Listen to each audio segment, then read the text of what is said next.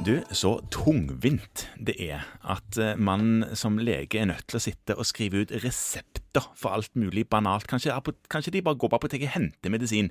Noen ganger så føler jeg at det blir bare ekstraarbeid. Nå tøyser jeg selvfølgelig, Ja. Kristian.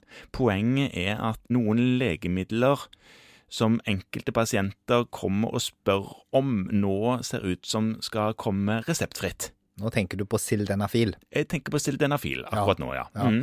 Og det, det har det jo vært slått opp, det, det er jo sånn kjekk mediasak, ikke sant? At nå skal man kunne kjøpe dette reseptfritt. Og det er Ja. fordi det er så pinlig å snakke med legen sin om det, at pasienten i stor grad bestiller det fra en eller annen litt rar internettleverandør i Asia. Ja.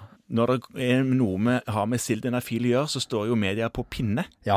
for å lage skøyeraktige vitser om det. ja. Og det er nå vedtatt at fra jul av så skal dette komme på såkalt reseptfri medisin med veiledning.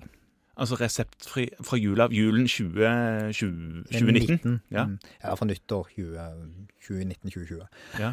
Eh, og Poenget med denne veiledningen er at man på en måte skal avdekke om pasienten har noen tilstander som gjør at du ikke kan få dette, og må gå og snakke med legen din istedenfor. ja, så du skal rett og slett bare gå gjennom en liste som sier noe om du i alle fall ikke skal ha det. Ja.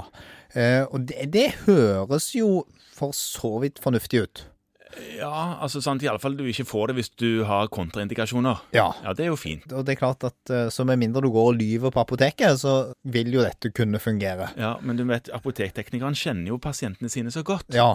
Så de eh, Deri ligger jo den første lille motforestillingen som vi har. Og så leste jeg på en måte gjennom dette, og argumentasjonen er på en måte at det skal bli enklere å få tak i.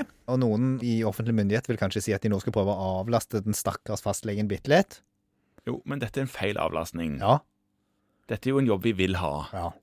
Fordi det kan være andre sykdommer som man må ta tak i. ja. Og det som jeg undra meg litt over når jeg satt meg der og leste hele dette her opplegget, det er at det er lagd en sånn der spørsmål- og svarliste inne på, på Legemiddelverkets eh, sider, der de da skriver blant annet er det trygt å ta Viagra reseptfri. Det er av en eller annen grunn Viagra som omtales der hele veien. Ja, men det er sildenafil vi snakker om. Ja. Ja. Jeg, Jeg kan ikke tenke meg noe annet enn at det også må kunne komme generisk på De andre. Men så skriver de også at siden impotens kan være et tidlig tegn på hjerte-karsykdom eller diabetes, så bør du innen seks måneder få en helsesjekk hos fastlegen. Innen seks måneder. Ja. Kunne du ikke bare gjort det først, da?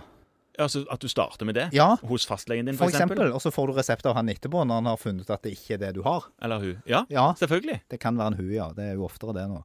Det er sant. Men ja, fordi hva om du har litt problemer med vannlatning? Du er mann. Ja. Litt problemer. Du er 55 år, tisser litt hyppigere enn før, du må opp Mm. om natten. Og så tenker du det her må jeg ha noe hjelp for. Så går du på apoteket, og så sier apoteket ja, men dette har vi en sjekkliste for, du kan få omnikke av meg, Sant. Ja. Og så har du skjelettmetastase. Nei, vi er ikke helt glad for dette, eh, og tenker at det fortsatt er god grunn til at medisiner som er potensielt livsfarlige, skrives ut av legen. Ja, det er en god idé. Ja. Men så får vi se hvordan det går, da. Det kommer jo, dette. Ja, ja. Så vi får jo bare forholde oss til det. Det er en devaluering av fastlegen.